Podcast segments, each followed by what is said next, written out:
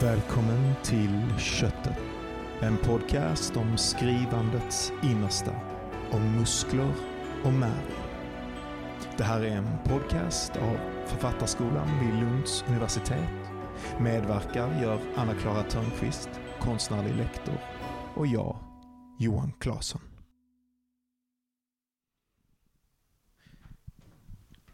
Välkomna till veckans avsnitt av Köttet. Välkomna. Jag sitter här med eh, Anna-Klara som vanligt. Ja. Mysigt, trevligt. Mm. Jag trodde att jag skulle behöva spela in utan dig den här veckan kanske. Det var en sån, eh, inte den här, men jag, jag hade en annan Mm. grej på gång och där jag tänkte så här, nu ska jag behöva göra det själv. Men Ja, nu är det inte så och nu är det skönt att ha min eh, sån här medryttare, min eh, eh, sidvagnsknutte, min eh, Robin till min läderlappe. Eller är det kanske Ah, jag som är fint. Robin eh, till din läderlappe? Nej, det tror jag sånt? inte. Nej. Nej, du är mycket mer läderlapp än jag faktiskt. Jag vet knappt vad det innebär men det känns rätt bra ändå. Den här veckan sitter vi här med en eh, god vän och en, eh, en, eh, Student en till mig. student Mm. till, eh, till Anna-Klara. Denise Henningsson Lindell. Stämmer. Stämmer. Eh, och Denise är som sagt student här på Författarskolan. Och också eh, nyligen med bokkontrakt. Ja, Ja, vad spännande. Välkommen Ja. hit. tack så mycket. Eh, vill du säga någonting om eh, för det, innan vi börjar med, med det här med din bok? Så att det, eftersom det ändå är en stor grej. Ja, nej men jag vet inte vad man ska säga mer än... Har du ett eh, namn på den? Vad sa du? Har du ett namn på den? Eller Men arbetsnamn är eh, Genom tysta skyar. Det är så fantastiskt för att jag träffade dig någon gång i höstas, måste det varit. Då var du ganska... Nedbruten. ja, ja, jag vill inte säga det, men du var ditt eh, fantastiska jag fortfarande, men ändå med viss vånda. Så. Mm. Och sen reste du iväg och så kom du tillbaka och när jag träffade Nils första gången så strålade du. eh, och då trodde jag, ja men det här var ju en bröllopsresa, så det är väl det. Men det var ju inte det. Utan då hade ju du fått eh, eh, blivit antagen helt enkelt. Så det var ju helt otroligt att se de två ytterlägena. Ja, för det var verkligen ytterlägen. Och sen så, alltså det var ju dubbel strålglans för det var ju en fantastisk resa. Mm. Eh, men, eh, Ingen skugga över din man. Så att säga. Eh, men det, men det var ju, det var ju så himla, ehm, ja, men också, ja men också så här, lite så typiskt att på en så fantastisk resa så är det är då det händer. Liksom. Mm. Det var som att det nästan manifesterades av Att allting det. kommer samman. Ja men precis, eller det var, så, det var så ljust så att det var tvungen att få ett kontrakt kanske. Mm. Ja, nej, men, eh, nej men i höstas så var det ju så mycket olika Eh, alltså jag hade kontakt med så mycket olika förlag Mm. och det var så mycket kanske och det var förlag som jag haft kontakt med tidigare som, eh, som var typ så här: åh vad kul att du eh, så här, eh, tagit till dig av eh, våra lektörsutlåtanden tidigare. Det, är så här, det märks att du verkligen jobbat igenom det här. Mm. Eh, så eh, ta det ett varv till, vet vi. Typ, man bara, ja okej. Eh, och det är ju jättebra. Men, Mm. men det var bara att jag kände liksom att så här, ja, folk säger att ah, det tog, tog mig tio år att få mitt första kontrakt. Mm. Men jag undrar, jobbade de heltid under de fyra åren med sin jävla bok? Typ, eh, den, känslan hade jag. För att, för att det hade jag verkligen gjort. Alltså jag, varje, ja, jag hade sett det som ett heltidsarbete. Mm. Liksom. Det tänker jag vi kan komma in på, för Mm. du är ju väldigt... Alltså, Dedikerad. ja, det tycker jag är spännande. Men innan vi gör det så har vi faktiskt formalia. Mm. Ja, det har vi. Ja, alltså. jag vet, jag har inte glömt bort det.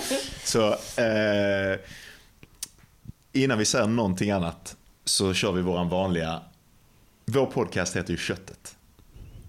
Lite ovanligt namn på en skrivpodd. När vi säger köttet i förhållande till skrivande, vad tänker du på då? Nice, okej. Ehm, ja, men alltså när man säger köttet så, eh, så tänker jag på eh, uh, någonting som en skrivkollega som heter Nicole sa ehm, till mig inför en textinlämning. Eh, och då var det att, att känslan är att man liksom tar ut sina inre organ och så lägger man dem på ett fat och sen så ger man det till någon bara, "Här- här. Eh, och sen så säger de kanske ew. liksom. Eh, och det, alltså det, det var typ den känslan. Ehm, men, och, och jag, jag kan ändå på något sätt, eh, jag kan liksom hålla med om det. Alltså det köttet, men, att det, men bara det att om man faktiskt tittar riktigt noga så är det inte så mycket ew över den här uh, köttbiten av en själv eller av något annat. Utan att, utan att det är liksom, mm, hur ska man säga, det är det stora i Mm. det. Mm. Och det är, en, det, det är liksom att, att eh, plocka isär sig själv och våga vara i det mellanrum som skapas när vi plockar isär. Det är köttet. Mm. Det är så fint, vi får så många olika liksom, tolkningar av det här. Det Ja, är helt... precis. Det är, det är så nice med, Mm. det har varit så nice med det här projektet överhuvudtaget. Att, eh, att det är ett sånt eh, vitt spann, alltså både skrivandet och Mm. köttet. Och man ser det liksom så här, i vad folk svarar i köttet reflekteras Mm. ofta i samtalet. Liksom. Mm. Men okej, eh, vi- om vi tar vid där, där, där vi precis var innan den här frågan då. Att du eh, är ehm, en sån regelbunden heltidsarbetare i förhållande till text. Det tror jag att många eftersträvar. Eh, jag har varit där i tillfällen, men det är ju för de många människor en väldigt svår ehm, sak att uppehålla. Eller att eh, upprätthålla, förlåt. Mm. Att upprätthålla. Hur, eh, hur, hur gör du det till att börja med? Eller vad är, vad är, det, vad är det du Mm. har som får dig att kunna göra det? Nej men jag, jag tror, eh, en av sakerna är att jag började med eh, kreativt skrivande så sent. Liksom. Alltså det är en, jag skolade om mig. Eller så här, alltså jag skrev eh, dikter i tonåren typ. Ehm, men, ehm, men sen så, eh, ehm, jag har liksom gjort andra grejer innan. Ehm, och sen så bestämde jag mig för att eh, nu ska jag nu ska jag skriva lite grann och snubblar in på Skurup liksom. Och bara, Mm. jaha okej, då ska jag göra det på heltid. Mm. Och då var det så här, men ska jag göra det på heltid eh, mm, så då vill jag liksom då vill jag verkligen göra det. För det kändes som en sån innest. Jag, jag liksom så här, jag bara, vadå, jag kan ju inte skriva. Vad gör jag här? Eh, och då kändes det så kul att eh, ta det på allvar i form av eh, tid och timmar. Liksom. Ehm, och, och jag kom ju direkt från ett jobb. Mm. Har du lätt att disponera tid och timmar utefter, alltså naturligt lätt? Du har också sagt till mig tidigare att du har lätt att fokusera. Jag tänker att Mm. Ja. de sakerna då är en sån grej som verkligen bäddar för eh, Ja men precis. att Det kunna är, dedikera sig. exakt, det är inte jobbigt för mig att bygga upp min vardag på det sättet. Nej. Alltså det är jobbigare att inte göra det. Just det. Eh, det är, ja, verkligen. Alltså det är, jag är mycket mer bekväm eh, med min tillvaro om jag har rutiner. Visst. Eh, och, Och, och ja. hur, ser en sån, hur ser en dag ut? Är du en sån här pomodoro-skrivare eller vad är det Ja. för typ av skrivare? Ja. Precis, eller, eller som jag brukar säga, pomodoro-slav. Eh, ja men fint. Hur strukturerar du det? Sen en vanlig dag om det är en arbetsdag liksom. Ja, men eh, just nu så börjar arbetsdagen klockan nio. Ehm, och, eh, och då så har jag min loggbok. Ehm, och så skriver jag en sida i den. Ehm, och sen så... Reflekterande text över var du är i processen nu eller vad är din loggbok? Ibland. Alltså ibland så eh, kan jag skriva om koppen med te som jag drack. Mm. Den var jättegod. Eller, någonting? Men för att få juicen att flöda lite grann. Så det är lite Ja, slaskskrivande Slaskare. nästan. Ja. Exakt, det är Mm. slask. Mm. Eh, på senare så har en av mina bokkaraktärer tagit över loggboken. Hon stör mig hela tiden. eh, så att jag får aldrig skriva i fred. Eh, För att hon kommer in i din loggbok. Ja, ja. Alltså det Ah. är verkligen så här, eh, ja, när man känner sig nästan personlighetsklyvd. Eh, Nej men på riktigt, det var typ så här, jag, jag skrev och sen så var det som att hon skrev om att jag skrev och att jag var hennes karaktär. Och sen så började en dialog oss emellan och jag bara fast det är faktiskt du som är min. Och typ, ja. Ja, nej men eh, skitsamma. Eh, Så, så efter loggboken så börjar liksom tiden med texten.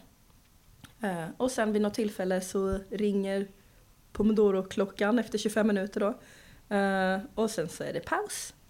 och då är det dans. Mm. Ja, just det. Ja, jag just frågade om vi fick säga det. Jag tyckte att det var så härligt. Det är det här att man ska ha fysisk aktivitet Mhm. eh, i pauserna, just det. Jag har ibland eh, försökt köra yoga på balkongen. Det Mm. har varit Nice. ganska nice alltså. Det har nog gått ganska bra, men det var länge sedan jag gjorde det sist. Mm. Men hur lång paus tar du då? Fem minuter. Fem Så minuter då ställer jag klockan på Ja. fem minuter. och dansar? Exakt. Eh, ja, och det, det är nice. Detta, är så, detta är så uspigt Denise att jag... Ja, så, så vidrigt glad av naturen. Men jag, jag blir lite fascinerad av det. För att vi, vi pratade lite på skoj och halvt på allvar om Carola till exempel. Hon är också en pomodoro-skrivare och hon brukar göra armhävningar och jag sa det är lite så militäriskt eh, exercis. Du gör yoga Jag har gjort armhävningar också. ibland. Ja, och Mm. dans. Och så tänker jag, för hela idén med pausen är ju såklart att man ska bryta på något sätt och också göra något fysiskt gärna då. Mm.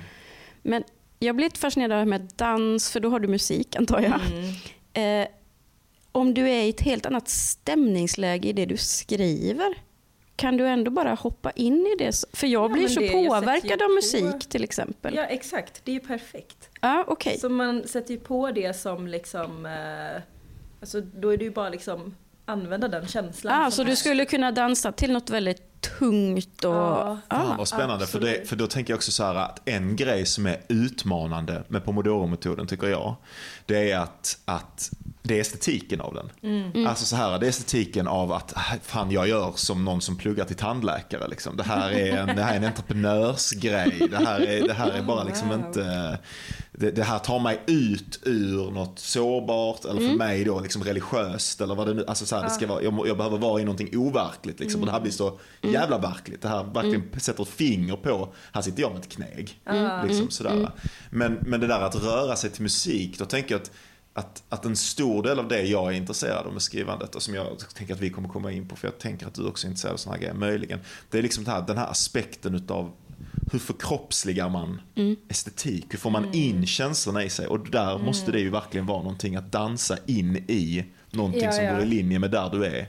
För mig, fast för mig är pomodoro nästan tvärtom. Alltså jag har aldrig tänkt på det som, eller också, det hör ju till att jag kände inte till pomodoro-tekniken innan jag hade en föreläsning med Emma Karinsdotter. Eh, där hon, eh, som också är lite så pomodoro-frälst, och det var hon som lärde mig dansa i pausen. Ah, Just så det kan jag tänka mig. Ja, så att eh, det var ju toppen. Eh, och, ehm, men, och, och så för mig har det, är, är det helt kopplat till skrivvärlden liksom. Just det.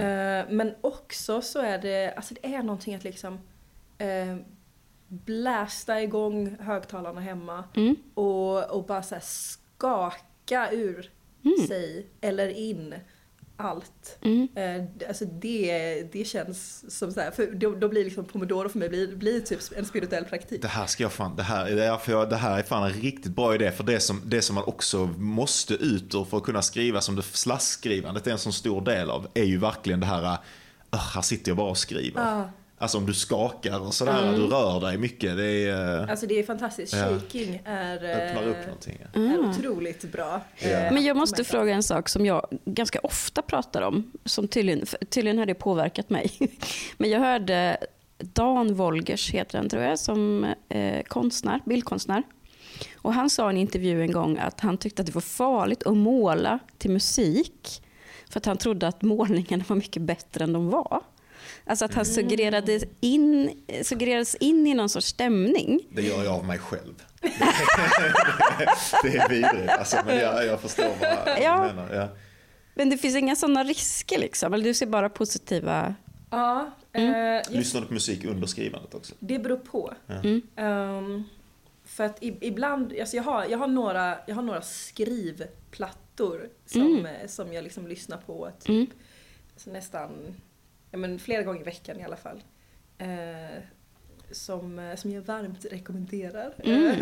Är det, instrumentellt? Ja, eller, eller två är instrumentella och en är eh, liksom soft Mm. sång. Mm. Ehm, jag vet inte om man har någon sån eh, liten kommentarsfält i, du kan, ja, det, Det kan vi lösa. ja precis. Ja, vi kan lägga upp, Eh, eh, lägger upp Denise, tipsen. eh, Ja, det är ju bra. Ja, ja visst. Eh, nej men, eh, och det, ja, jag, jag, tycker det är nästan som att de, de har, jag lyssnar på dem så mycket i skrivande så att de liksom försätter mig in i det modet jag vill oavsett Mm. vad jag skriver om. Och det mod jag vill ha är ju eh, att jag själv håller tyst och lämnar rum.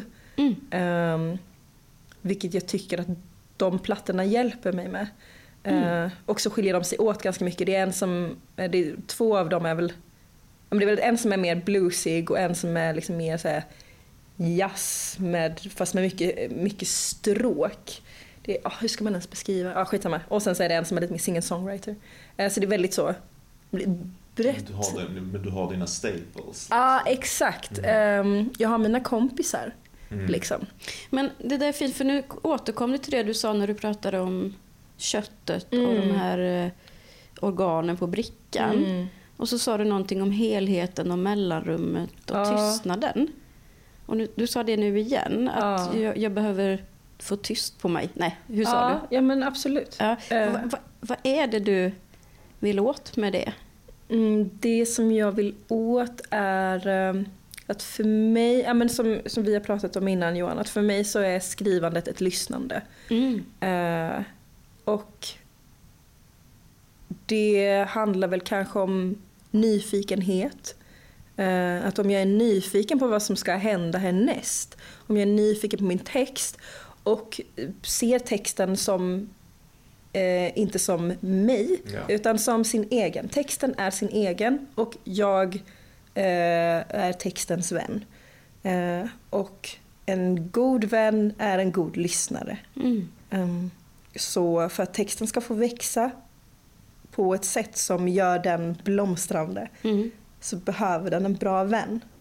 Uh, och det funkar inte då att jag bara uh, men uh, jag vill skriva så här eller jag vill detta. Det är skitsamma vad jag vill med texten, texten är sin egen och ska Ja. välja sin väg själv.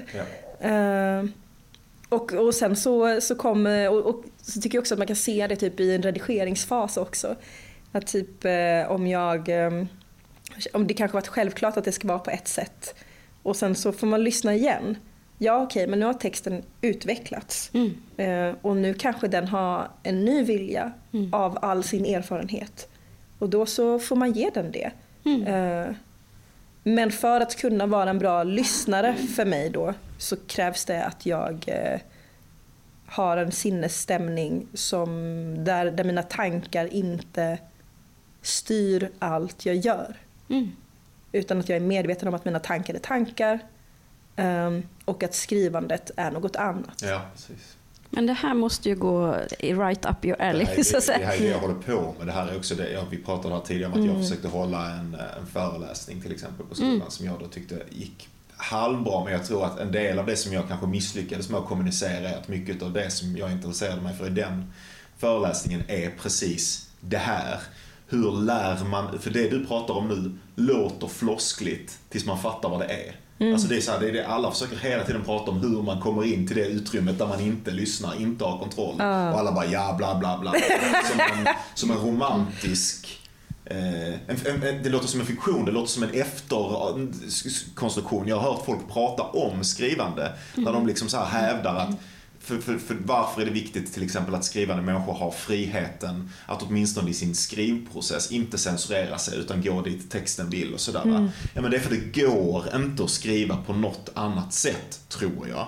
Eh, åtminstone en viss typ av text. Annat än som en lyssnande handling, som någonting som liknar ehm, den sanna positionen i ett terapeutiskt samtal. Alltså att du släpper på ditt intellektualiserande. Du erkänner att du inte vet. Ja. Du förstår inte text. Du, du, för då hade du bara kunnat spotta ur dig det. Ett mästerverk efter mästerverk. Du gör inte det. Du vet inte. Du måste vända inåt. Det blir också en floskel. Men för att hitta textens faktiska utsägelseposition som inte är du. Precis. Men jag tänkte också varför jag sa, alltså det, det går rakt, det går liksom i linje med ditt tänkande kring skrivande Johan, men jag tänkte också, är det inte väldigt likt då meditation? För du har Ja, väl det också det den eh, praktiken i livet, höll jag på att säga. Ja, alltså det, för, mig, för mig är liksom eh, ehm, skrivande och meditation, eller så här, kanske så här snarare. Eh, konstutövande överlag eh, tänker jag är väldigt besläktat med meditationspraktik. Mm. Um, alltså det finns till exempel en, eh, det finns en otrolig pianist som heter eh, K. Werner. Eh, är det så man uttalar det? Ah, ja. som har gjort en bok som heter Effortless Mastery. Eh, som eh, handlar om det som jag ägnar mig åt i skrivande. Eh, fast då för musiker. Det här är så spännande. Du tycker att effortlessnessen är en viktig, det är en viktig komponent av ditt skrivande? Är det, är det det, kommer du in i effortlessness mycket? Jag skulle säga att det kanske är ett krav. Du tycker att det är ett krav? Eh, men det är för mig personligen. Eh, för att om jag spänner mig Mm. eh, så kan jag inte lyssna. Mm. Så det där är jättespännande för samtidigt skulle man ju kunna säga att alltså jag har ju fått en liten indikation på saker som du skriver om genom att ha varit med i samtal och där jag har Mm. sett dig bli ganska känslomässig liksom, över, över de här sakerna. Liksom. Mm. Så du måste ju vända dig åtminstone in i en smärta. Men det tänker inte du är samma sak. Alltså vända dig in i Nej. motstånd, vända dig in i ett ställe du inte tycker om att vara på. Nej, jag, jag tänker inte alls på det som en smärta. Och det, har, det, det gav mig nästan en identitetskris när jag liksom började för första gången möta andra skrivare. Alltså då, eller så här, som pratar om att ah, men det måste vara så, så här, det, det ska vara på liv och död, det ska vara så svårt och det, jag kan bara skriva när jag mår riktigt dåligt. Typ. Alltså den här, ehm, och, och jag, jag tänker att skrivandet går bortom det för mig. Ehm, att det, det skrivandet kan vara en tröst ehm, om jag är ledsen. Ehm, men jag behöver inte, alltså mina känslotillstånd är ju också känslotillstånd. Visst. Precis som tankar är tankar. Visst. Eh, skrivandet är något annat. Visst. Mm. Jag undrar om det där är också en del av det som får dig att vara så benägen till att jobba mycket för någonting Mm. som jag har jobbat mycket med med mig själv. Jag tänkte egentligen från början att jag skulle brasklappa den här episoden för att jag visste att vi skulle börja prata om meditation. Vissa människor, vissa människor älskar det och vi som älskar det, vi, kan, vi, vi tycker att det är det enda som är värt att prata om. Vi kan hålla på i timmar. liksom. Och sen andra som inte håller på med det och tycker att det är liksom Ja, men då får man bara sluta lyssna. Såklart. Ja. Men, men, men skitsamma, vi kommer hamna där. Det är omöjligt eh, att inte göra det. Men, men hur man lutar sig. För mig så har skrivandet alltid varit väldigt stressande, ångestladdat, som att jag gör någonting viktigt nu och det, jag, jag vet att jag kommer misslyckas när jag sätter mig vid sidan med det enda som är meningsfullt att göra och sådär. Och så har jag sakta, sakta försökt att men vad är det om jag bara stannar kvar i de här känslorna Ja. inte vänder bort från sidan utan stannar kvar och sitter kvar etc. Och på det sättet så har också en helt mycket större produktionsmöjlighet öppnat upp sig genom att, acceptera skräcken, motståndet som en ofarlig plats Mm. i förhållande till skrivandet. Ja visst, alltså det, är- det tror jag är jätte... Alltså det, det handlar ju om acceptans, Ja. tänker jag, det du pratar om. Ehm, och, och det är också en väldigt viktig komponent för mig. Uh, alltså, och, det, och det var också, alltså återigen att jag började skriva uh, skönlitterärt på en väldigt tacksam plats. Ehm, där, där jag liksom utgick från att jag kan inte, inom citattecken, kan inte skriva. Liksom.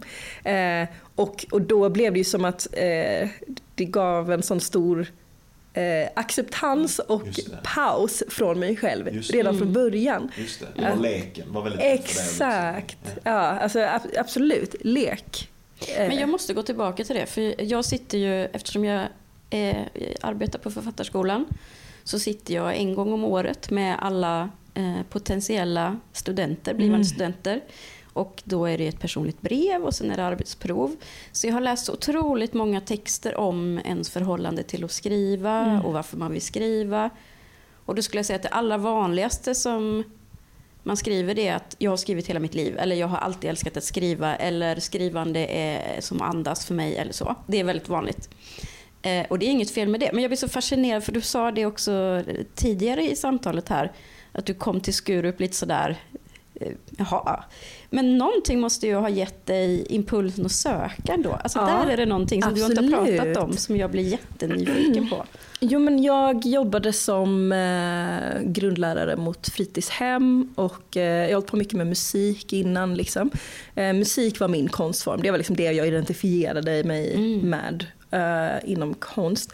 Ehm, men, eh, men jag hade en, eh, en väldigt ung barngrupp eh, mina sista år. Och då blev litteraturen jätteviktig. Alltså jag, liksom, jag och mina kollegor vi skrev så här, draman till dem eh, och eh, läste så himla mycket böcker. Ehm, och sen så drog jag och min man ut på en eh, cykelresa. Eh, och på den så, så började vi, alltså när man, när man är på cykel så har man väldigt, väldigt mycket tid. Eh, det, är liksom, det är inte mycket annat som händer än att du trampar. Eh, och, då, och då, växte liksom en, då växte en bok fram som vi liksom skrev muntligt tillsammans. Det var som att vi började berätta en saga för varandra. Ehm, och sen så i slutet av den resan så hade vi två veckor i Barcelona och, hos en vän. Och då så satt jag på ett café på morgnarna och så började jag skriva en till historia. Och så tänkte jag så här, fasen, det här hade, den här hade jag velat läsa upp för kidsen. Liksom. Eh, och sen så tänkte jag att men, jag känner att jag behöver, jag behöver göra någonting med min riktning. Så jag kanske ska läsa en skrivarkurs. Eh, så då sökte jag Mm. till de olika eh, kurserna jag kom åt, bland annat Skurup. Mm. Eh, så det var liksom inte, alltså, jag hade inte en tanke på att Nej. det skulle bli det. Men, men, eh, men då så, ja. Mm. Så det var så det blev. Men det är roligt för då har ditt skrivande börjat väldigt mycket utåt eh, istället för inåt. Alltså, nu ser ni, jag ska förklara vad jag menar med det. för du hade dina elever där. Ja. Och det var det du tänkte på när du satt i Barcelona också. Ja, Alltså du var hos läsarna för jag tänker... ja fast, fast jag var inte när jag skrev. Nej, okej. Eh, utan, eh, utan då, eh, då, var jag, ja, då hade jag inte en tanke på att någon skulle läsa det. Nej. Eh, men, men när, när jag liksom tittade på texten Mm. och, och, och eh, lilla sagan var där så Mm, var det så här, mm. jaha men titta det här, Mm. det här är ju toppen. Men jag tycker ändå det är intressant, för när du kom till Skurup, förlåt Mm. Johan, jag ska bara borra lite i Mm. det här. Så sa du så här, oj, då sa alla, åh, jag kan bara skriva när jag mår dåligt. Ja. Och du måste... Alltså att det, det är det jag menar med börja in, inifrån eller utifrån. Att du Ja. faktiskt hade någon form av läsare Ja, eh, snarare än att det var en kanal ut för något när du mådde dåligt. ja alltså precis. Jag var ju en, av all, jag var en läsare som alla andra Mm. inför mina texter. Mm. Alltså det kändes mer som att jag också var Ja, det är En av mina läsare. För det, Ja. så tror jag inte det är för alla som skriver. Nej. Eh, men alltså det är också så svårt. Alltså, när, när man, alltså det, det vi gör, tänker jag, när man pratar om skrivprocesser och sånt, det är att försöka sätta ord på något ordlöst. Ja. Eh, men, eh, men det är kul är det. Det är kul. Jag tänker också, eller för mig så, så är det en kärlekshandling mot andra. Alltså att man vet inte, man är fast i sin egen skrivprocess tills man hör om andra människors skrivprocesser och i det finns det möjligheter. Liksom. Mm. Eh, Så Åh, att vad prata om fint. skrivprocess är verkligen, eller tycker jag i alla fall, och få höra andras och sånt. en Det är lite som någon sorts parterapi. Eller? Om man har en jättestor parkonstellation som är många par. som Det ser har jag efter lärt varandra, mig liksom. av eh, ungdomarna här. Det kan Ja. man ha. Precis, det är, alla skrivkollegor har någon konstig typ av polyrelation. Eh, Men, men eh, jag tänkte snabbt där då bara, för jag, jag var, vilken roll när du sätter dig ner och skriver, bara för du var där och sen ska vi ta en paus. Vilken roll har den tilltänkta läsaren i din skapande handling? Mm. Till vilken grad känner du att du kommunicerar med någon? Jag hittar inga bättre ord för detta men, men jag eh, tycker att det är jag som är läsaren. Okej, Eh, alltså det är ju, för det är ju jag som läser precis. när jag skriver. Eh, så det är liksom, jag, jag skulle säga att jag tror att texten har mig som sin tänkta läsare. Just det. Eh, Fint. ja, jag uppskattar det. Text är ju toppen.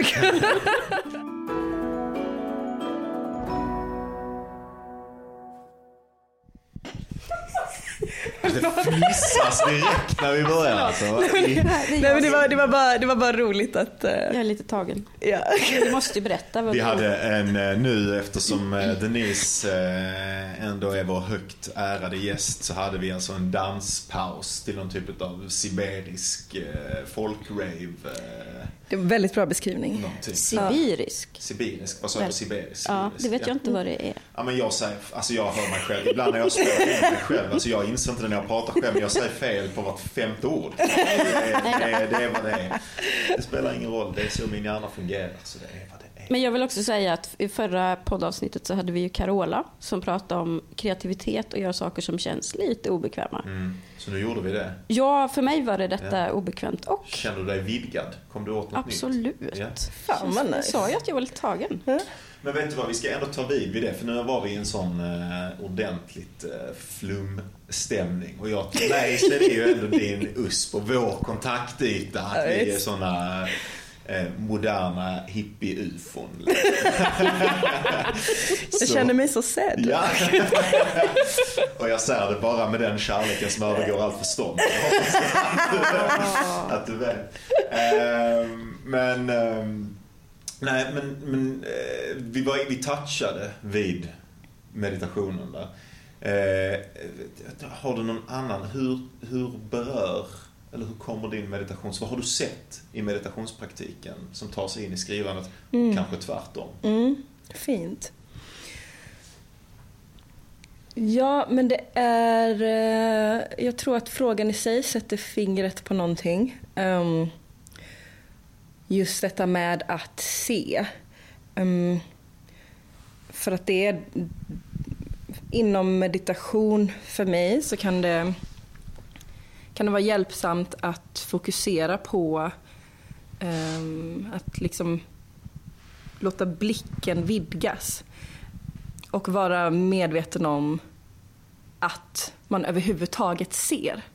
Mm. Och att man på så sätt egentligen är lite som en spegel Mhm. som bara är ett space för världen omkring en. Eh, samtidigt som eh, alltså det jag ser rent tekniskt skapas genom eh, mitt öga.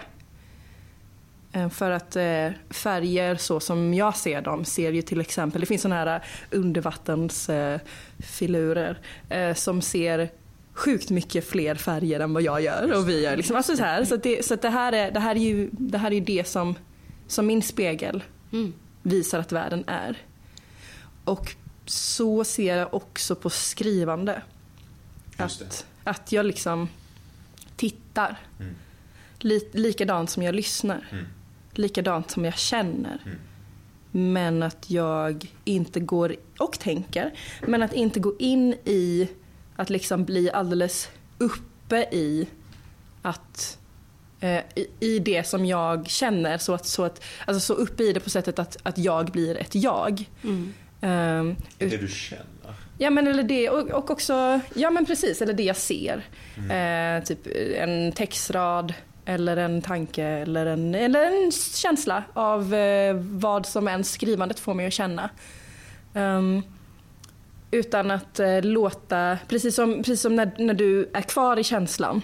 För, eh, när, när det är jobbigt att skriva och sådär och sitta kvar. Ehm, det för mig är att ge situationen plats.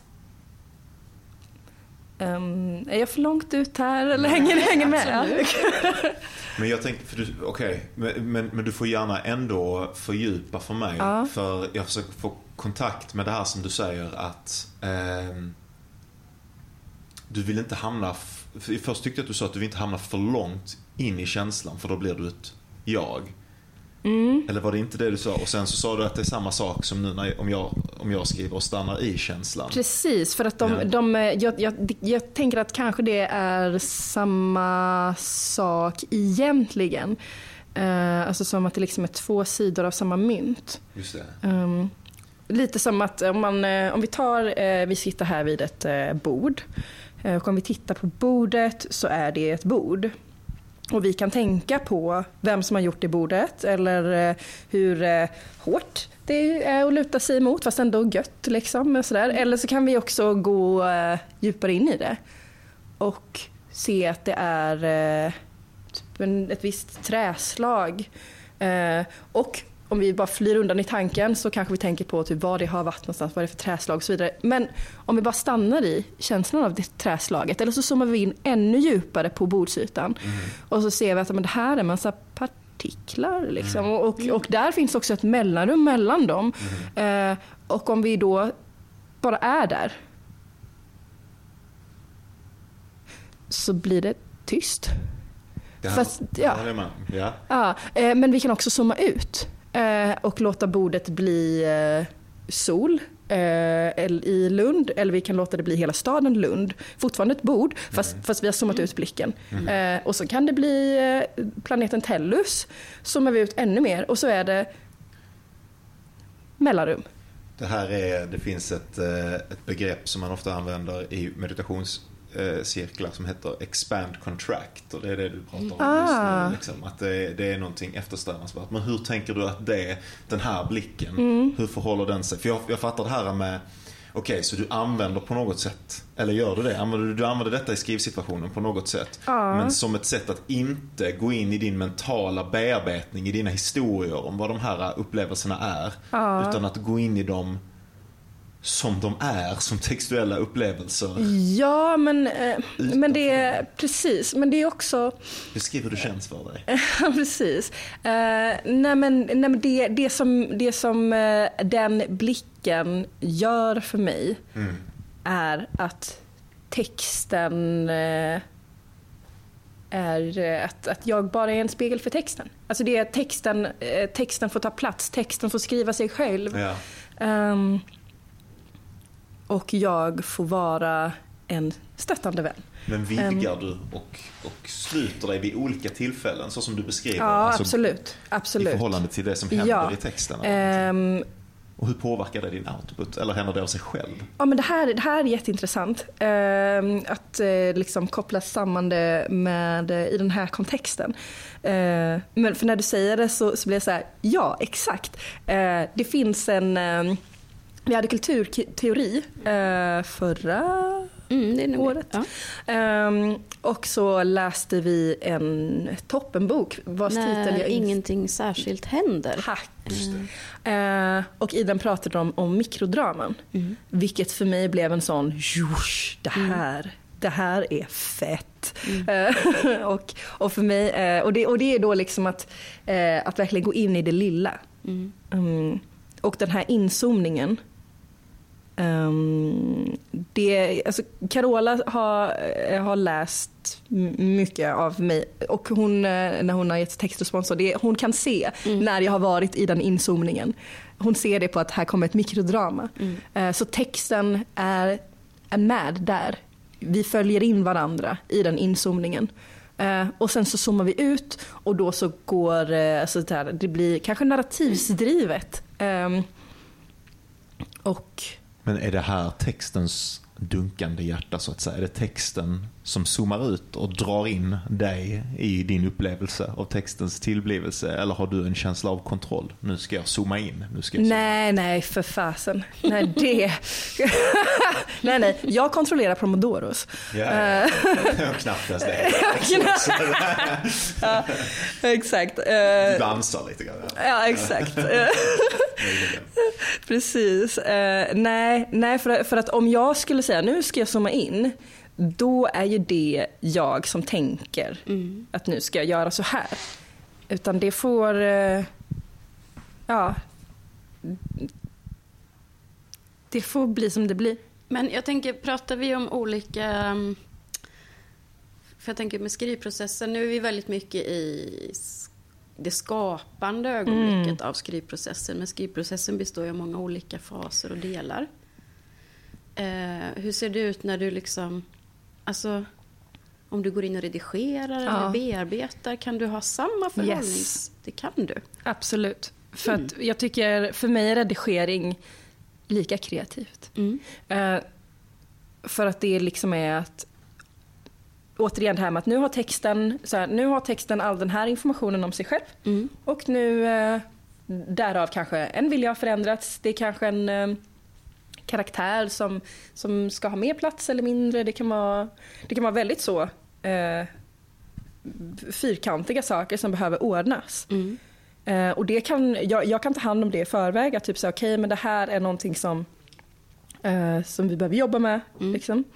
Men, men när, när det sen är jag och texten, då kör vi igen. Alltså, och, Just det, så då, men det betyder att du har någon form av ändå intellektuell medvetandefas Mm. emellan där. Eller?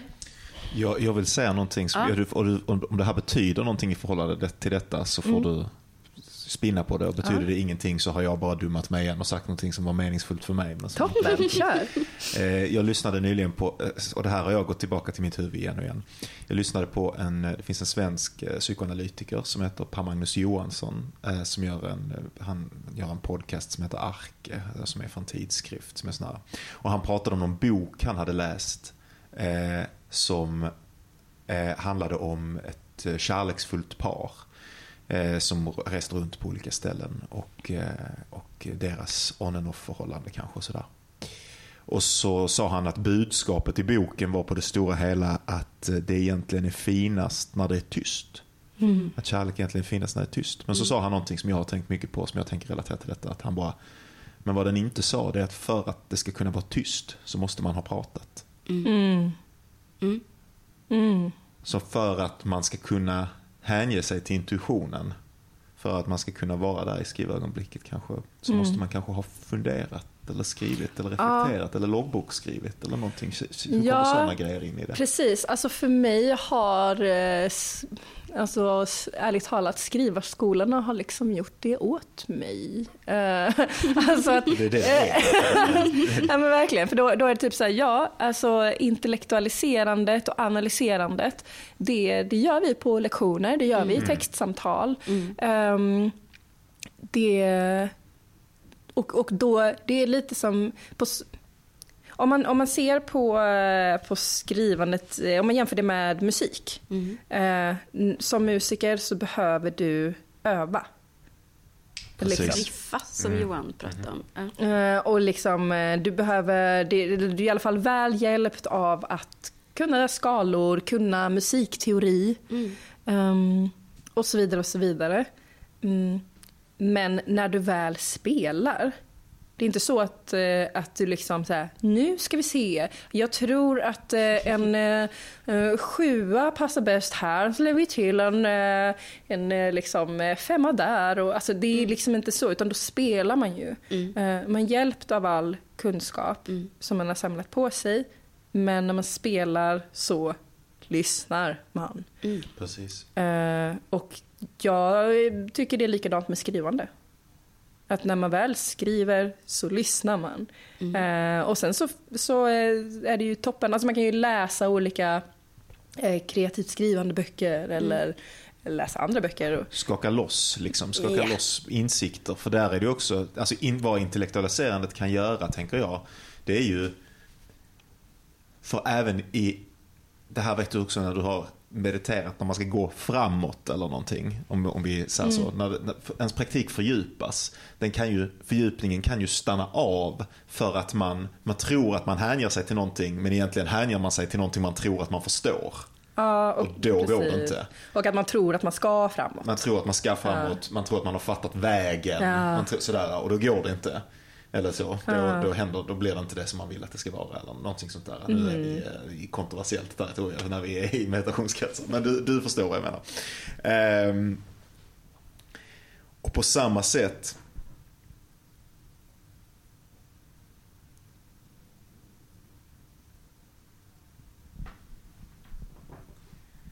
Jag tappade det. Eh, jag tänkte bara, fan vad nice med en tankepaus. Ja, det är annars, Det var en- det det är annars en- Johans specialitet skulle Det jag var, säga. en, det var en tankepaus, men jag kände, vad höll jag på att säga? Eh, med eh, med eh, meditationen. Ja men det var väl att på samma, på samma det. sätt så... Nu, nu, precis. ja. Så, så man, kan, man kan hänge sig, det här tror jag är möjligt att det kan hända. Och det, för att jag tror det för att jag har gjort det. Man kan ha en övertro till att man har fattat vad det intuitiva skrivandet är för någonting och därför vända sig bort från det intellektuella samtalet, bort från att läsa skrivhandböckerna, bort från att lyssna på andras tips, bort från, för man bara, nej men nu har jag fattat vad min egen konstnärlighet är. Men precis där är du ju okreativ. För precis där befinner du dig i låsta mönster. Och i Eh, tanken om precis. vad det är. Så, så fort du slutar lära dig så har du fastnat i en föreställning. Ja, för du är ju inte nyfiken. Precis, Och det är återigen det här med att vara textens kompis på alla sätt man kan. precis. Eh, och om du, alltså, att, eller för Precis. mig är det då att vara nyfiken på texten är att vara nyfiken på skrivprocesser, på Precis. olika sätt att skriva på. Vad, Eh, vad, vad skrivande har varit i människors liv. ja, absolut. Precis. Det, är, det här är varför du inte kan ha ett förhållande med, en- med, en- med en älskad eh, om du slutar tro att det är viktigt att du lär dig, att du förnyar. När du börjar tro att det här har stannat av, och det här är vad det ska vara, eller nu är jag bara bekväm. Exakt. Så går saken förlorad. Verkligen. Ja. Precis. Och det, är- ja, det är ju det är, så, det är så användbart att eh, använda liksom kärleksreferensen till Ja. skrivande. Alltså, Ja. För att det är väldigt likt. Men jag tänker, vad händer då om, eh, eller när texten får eh, ytterligare en kompis då? För nu antar jag att du jobbar mot en redaktör. Ja. Men det är ju ingen skillnad mot vad jag har gjort från början. Men Alltså, om ni eller ger texten väldigt olika råd då? Ni lyssnar på texten, Ja. det kan man ju göra med en kompis också tänker jag. Och så säger man, två kompisar säger olika saker. Gör slut, stanna, säger mine. Om vi ska precis. fortsätta. Men, men, där, men, men det är ju också, eller det tänker jag, är, det är ju underbart. Eller för, för det handlar ju återigen om, texten. Texten Mm. har fått en kompis till. Mm. Eh, och det är ju det är jättebra. Mm. Att inte jag är den enda kompisen. Mm. Eh, Men, Men- hör men- du texten fortfarande lika tydligt då? Ja, men det, det, det hoppas jag. Mm. Uh, eller, någonting jag har känt med textrespons från början ehm, har varit att, ehm, att, jag, att jag, jag kan känna väldigt tydligt att säga okej, så här, vi ser olika saker eh, men alltså, jag är ändå textens bästis. Ja, det är det ju. Alltså, så, att- så Det att är då, texten kommer till att du verkligen Ja, prata. ja. Och, då, och då så är det typ så här, okej, alltså den här andra personen sa det här eh, och jag känner starkt att det, det vill ju inte texten. Mm. Eller, Ja, eller så kan jag känna, har hänt på riktigt, att jag inte vill det men texten vill och man bara suckar och bara fan också. liksom. Eh, Men eh, att jobba, alltså, än så länge med förlaget så tycker jag att det, eller det är nästan så att jag glömmer att, eh, att det liksom bara inte är ännu en del av författarskolan. För att det är liksom ingen skillnad med hur vi jobbar. Fint. det är toppen. Ja. Det är liksom bara en till som är med i kamratresponsgruppen. Ja, Ehm, då har du fått en bra redaktör. ja, herregud. Ja. Det är fan toppen. Mm. Ja, eller ja, förläggare. Mm. Ja, förlägger. Jag vill prata om någonting och det har att göra med någonting som jag pratade om där på min eh, föreläsning som har att göra med eh, flow. Eh, för det du beskriver ju är ett väldigt flow eh, ett flow-sätt till att Mm. jobba på. Liksom. Att du har Mm. väldigt lätt att komma in i det och sådär. Eh, samtidigt så pratar du också om motstridiga viljor. Mm. Eh, och jag pratade på min föreläsning om vikten att, i flow att ha motstånd. Alltså att, att du, du, du kommer i flow när miljön, öppnar du din flaska, det gör ingenting om det pyser lite. kommer låta.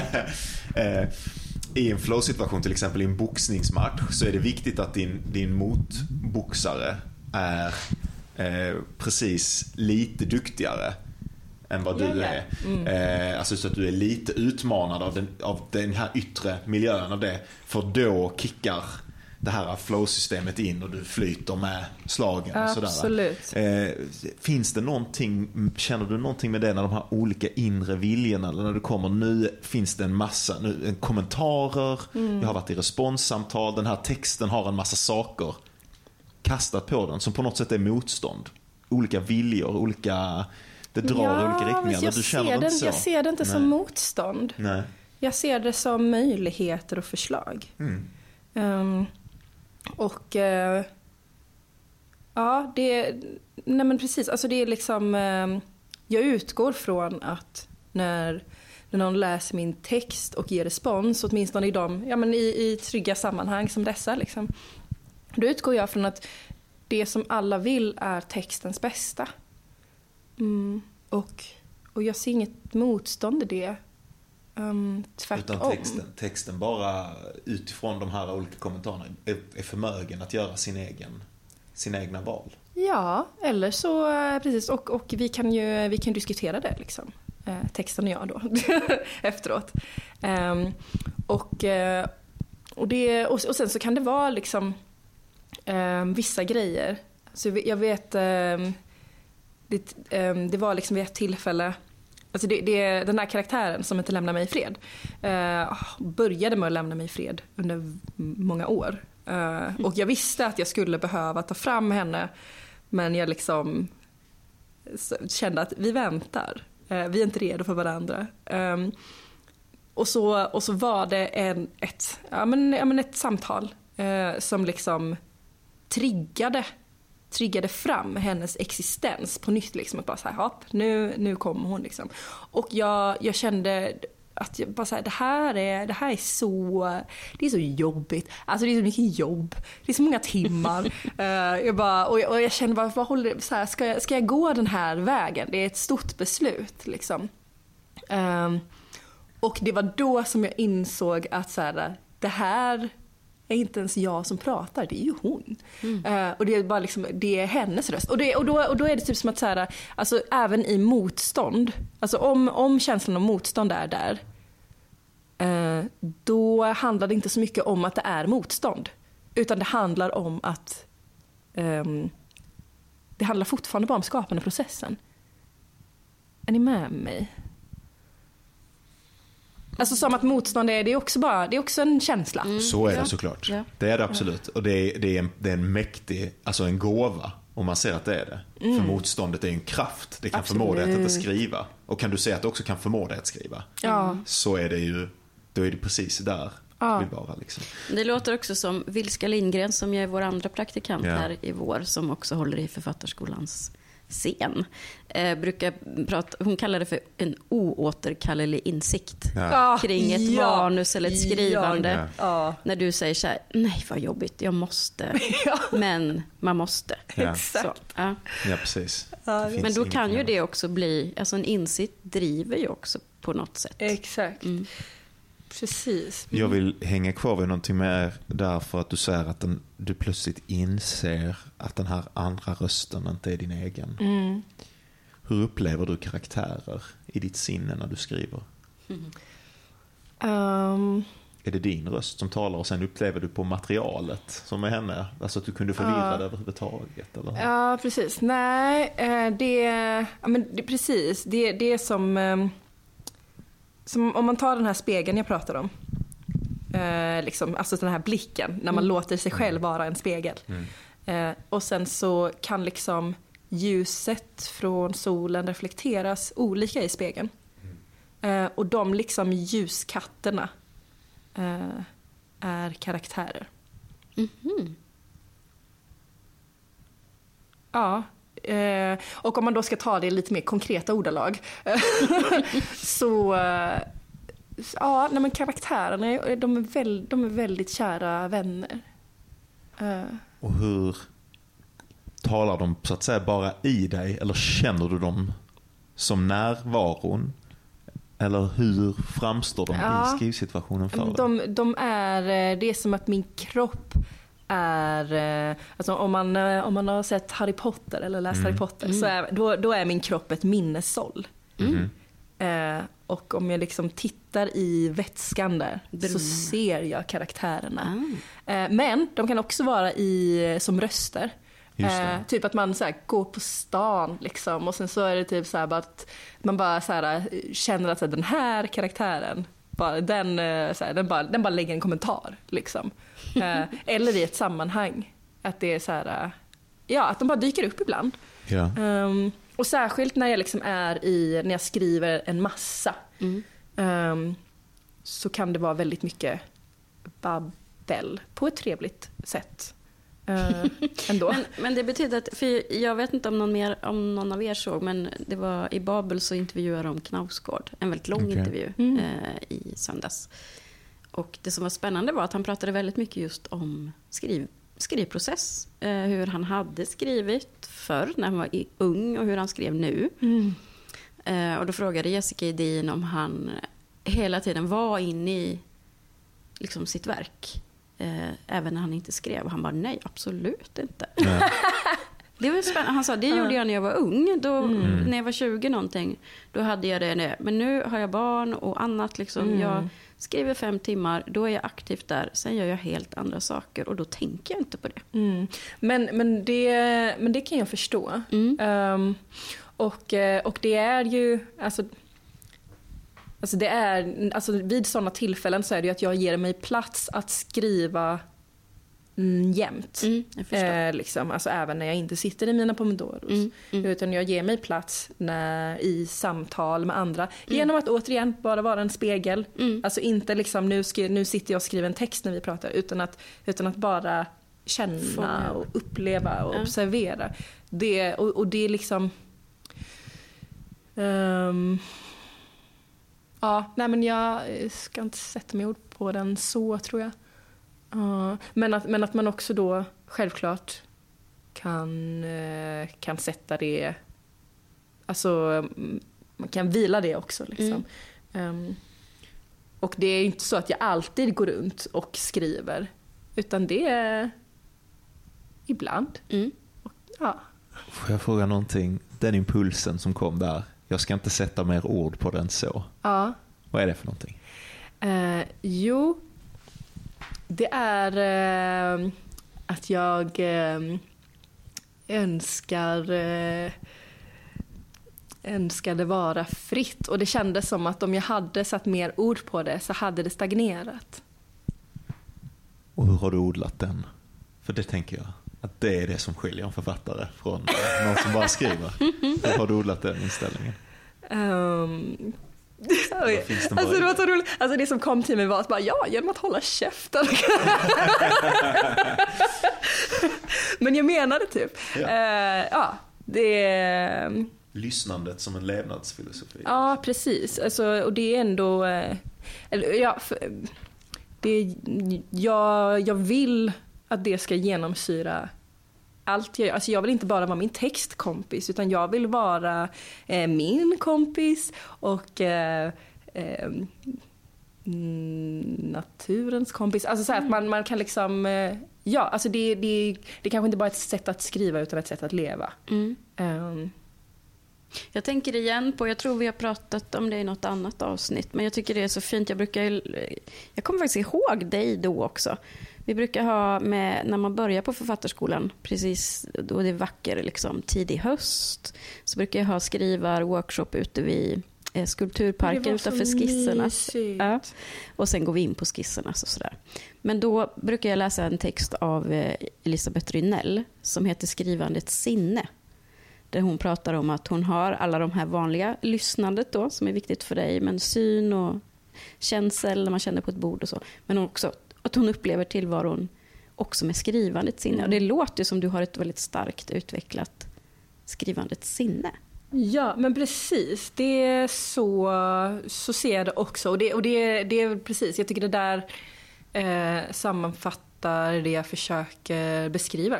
Verkligen. Eh, och, och för mig är dock skrivandets sinne eh, inte bara för skrivande utan det är också musikens sinne eller, eller målandets, alltså det är konstens Mm, sinne. Men också ehm, Hängivelsens sinne. mm, Är det det? Handlar det om kanske. att ge sig själv? Ehm, Eller speglar du tänker på det som är aktivt? Ja, exakt. Alltså det, är, det är liksom uh, varsevarande. Mm, precis.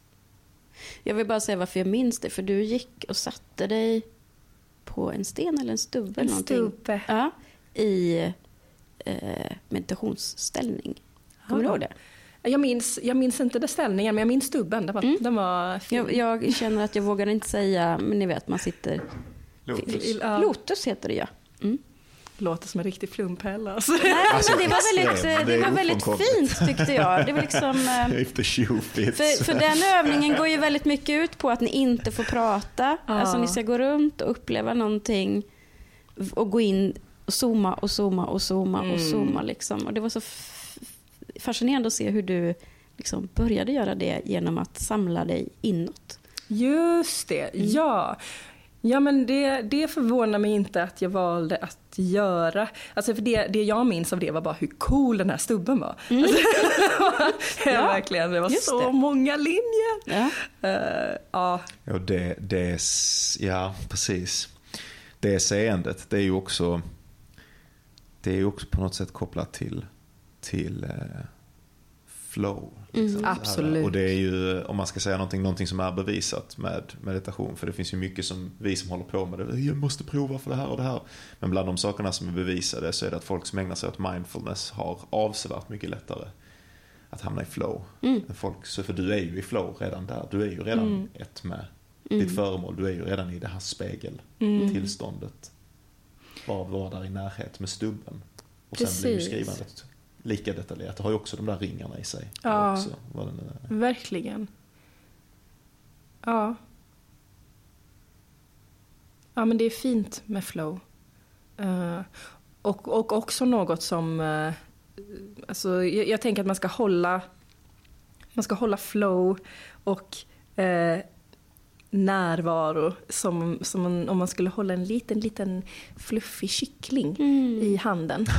Eh, som liksom kvittrar och har sig. Eh, och det gäller liksom att inte, inte liksom hålla för hårt för att då kommer man liksom krama sönder den. Så man kan inte klingra fast Mm. vid det utan du måste hålla det mjukt. Men samtidigt så får du också se till att du är varsam och verkligen Ja. håller den. För att annars kommer den söta lilla kycklingen ramla ner och Ja. slå sig. Mm. Ehm, och, och lite så tänker jag med, med alltså när vi pratar om flow och allting. Att, att så här, ja, det är fina saker och det är viktigt.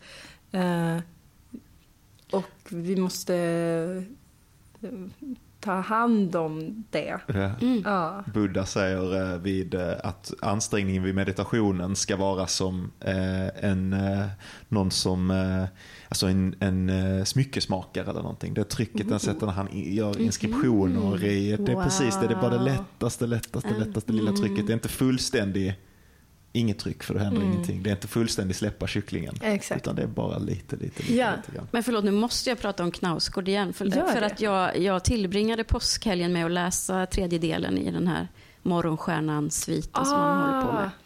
Eh, och där finns det ju en karaktär som heter Tove som är eh, bildkonstnär, så hon är också skapande. Eh, och det finns en scen med en kattunge som jag inte ska liksom berätta mer om. Men det har något med det här trycket, Ja. varsamheten, vad händer om man...